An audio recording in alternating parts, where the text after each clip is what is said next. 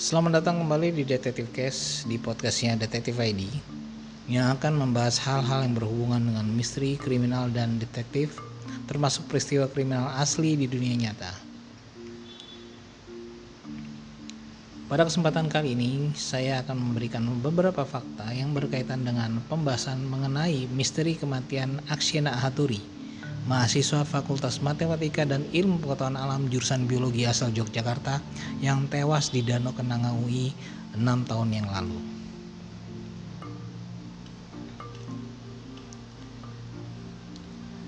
...26 Maret 2015... ...lokasi Danau Kenanga Universitas Indonesia... Tidak ada yang menduga bila danau tersebut menjadi tempat terakhir bagi semua orang yang mengenal Asena Ahadori Jasad Aksena terlihat mengambang di danau kampus, tempatnya menuntut ilmu. Sungguh ironi kan? Awalnya, Aksena diduga melakukan bunuh diri, seperti yang dikisahkan Polresta Depok saat itu. Namun ditemukan kejanggalan-kejanggalan yang membuat kasus tersebut akhirnya ditangani Polda Metro Jaya. Menurut penelusuran Krisna Murti yang ketika itu masih menjabat sebagai Direktorat Direktorat Kriminal Umum Polda Metro Jaya, Aksiana sengaja ditenggelamkan oleh pelaku ketika dalam keadaan pingsan. Ada lima kejanggalan yang ditemukan polisi saat itu. Yang pertama, Aksiana tenggelam di danau dengan 14 kg batu yang terisi di dalam tas ranselnya. Di sini Aksiana membawa tas yang diisi batu tanpa diikat kuat ke tubuhnya. Bila ia bunuh diri, seharusnya ia akan mengikat keras tas tersebut dan membiarkan dirinya tenggelam. Namun karena tidak diikat, tentunya dia bisa saja meronta karena tentunya karena tenggelam. Lain halnya bila dia sudah sudah tewas lebih dulu baru ditenggelamkan. Namun karena ada air dalam jumlah cukup banyak di paru-paru, polisi menduga Aksiana masih hidup saat ditenggelamkan. Dalam artian masih bernapas sehingga air danau masuk ke paru-parunya. Secara logika tak mungkin orang memilih bunuh diri dalam keadaan hidup dengan tenggelam. Karena proses kematian yang akan menyiksa. Ini membuktikan ada seseorang yang membuat dirinya tewas dengan cara seperti itu. Luka tak wajar di wajah. Itu adalah kejanggalan kedua. Saat dipo saat dievakuasi, polisi juga menemukan ada luka tidak wajar di wajah Aksiana. Krishnamurti mengatakan luka yang ditemukan di wajah Aksiana merupakan luka fisik. Seharusnya luka itu tidak ada bila Aksiana melakukan bunuh diri. Ia diduga pingsan diperkirakan setelah mendapat pukulan yang terlihat dari luka lebam di telinga, kepala, dan luka sobek di bibir sang mahasiswa UI tersebut. Sebelumnya polisi juga pernah mengungkap adanya sejumlah luka lebam di tubuh Aksiena. Namun dugaan saat itu adalah luka tersebut sebagai akibat gesekan atau benturan dengan batu atau benda-benda lainnya saat tubuhnya tenggelam di danau. Kejanggalan ketiga adalah robekan di sepatu. Ini adalah temuan tak wajar lainnya Nah dari rusaknya sepatu tersebut, polisi memiliki teori bahwa dalam keadaan tak sadar, Aksiana diduga diseret dan ditenggelamkan. Karena seretan itulah sepatu milik Aksiana akhirnya rusak. Kejanggalan keempat, yaitu ada sejumlah orang diduga masuk ke kamar kos Aksiana di saat menjelang Aksiana ditemukan atau setelahnya. Menurut Mariamah, penjaga indekos Wisma Widya, tempat Aksena ngekos, ia mengenang kembali malam-malam saat identitas mayat Aksena dikenali. Pada Jumat, sehari setelah ditemukan jenazah Aksena di Danau UI, Jibril datang ke kamar kos sahabatnya. Jibril itu adalah sahabat dari Aksena. Saat itu Jibril datang jam 9 pagi. Ia meminta izin untuk ke kamar Aksena setelah sampai di lantai dua, ia mengetuk pintu cukup lama karena pintu kamar Aksena tapi tidak pernah terbuka.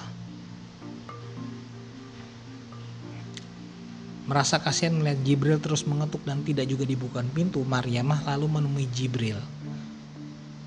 Terlintas di benak Mariama, Aksiana mungkin lagi tidur karena kelelahan atau banyak tugas yang harus dikerjakan.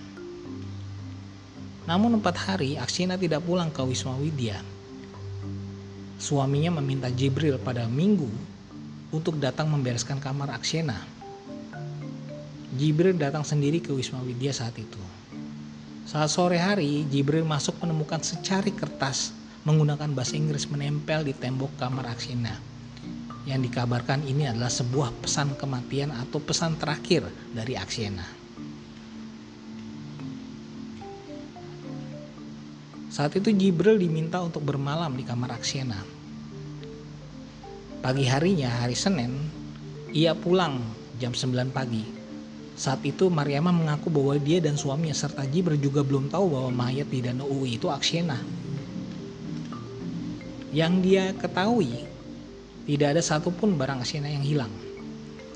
Saat Mariama masuk ke barang Asiana, seperti laptop, telepon seluler, dan dompet milik Aceh masih tergeletak di kamarnya. Senin sore, persis saat identitas Aceh diketahui polisi, rekan Aksiana bernama Pras datang disusul teman yang lainnya dan meminta dibukakan kamar Aksiana kembali bersama dirinya. Beberapa hari setelahnya, barulah muncul dugaan Arsena tidak bunuh diri, tetapi dibunuh. Nah, polisi saat itu berlomba untuk mengumpulkan serpian barang bukti dan pertunjuk yang masih tersisa di kamar Aksena. Namun saat itu kamarnya sudah terlanjur berantakan, jadi tidak ada yang bisa dikumpulkan. Kecuali kejanggalan kelima, yaitu surat wasiat. Nah, surat wasiat ini janggal karena ditulis dua orang yang berbeda. Mardoto ayah Aksena mengaku mendapat surat wasiat tersebut dari Jibril.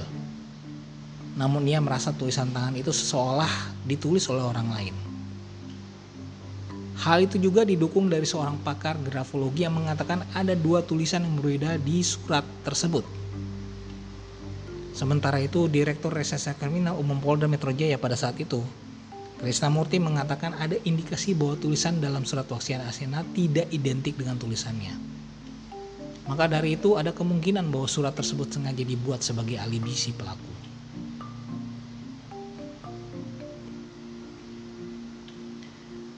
Kejanggalan berikutnya, setelah dua tahun berlalu, kasus ini juga bisa belum bisa terpecahkan. Twitter Aksiena tiba-tiba menciut. Twitter Aksiena tiba-tiba bercuit dengan kata-kata yang menyeramkan di tahun 2017.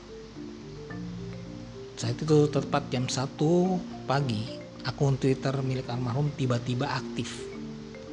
Seseorang yang mengaku sahabat almarhum berinisial R mengaku dia yang menulis status di Twitternya almarhum. R kembali berkicau di akun Twitter Aksiena milik almarhum. Dalam kicauannya, R berjanji akan membalas semua perbuatan pelaku terhadap almarhum. Ini adalah kata-katanya. Saya janji akan balas semua perbuatan kalian terhadap Aceh. Saya akan belajar menjadi kalian dan tentunya melakukan hal yang sama dengan cara saya sendiri. Camkan R. Ayahnya Mardoto pernah melayangkan surat secara terbuka kepada pihak UI dengan tembusan kepada Komnas HAM dan Ombudsman.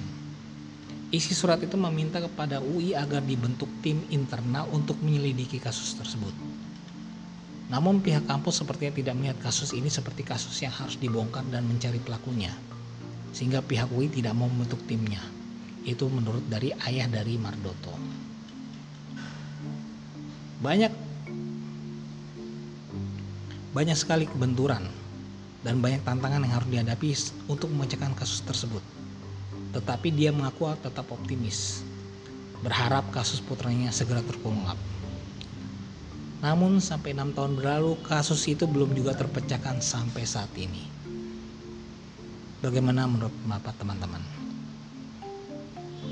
Inilah kasus Saksena. Apa kalian punya teori?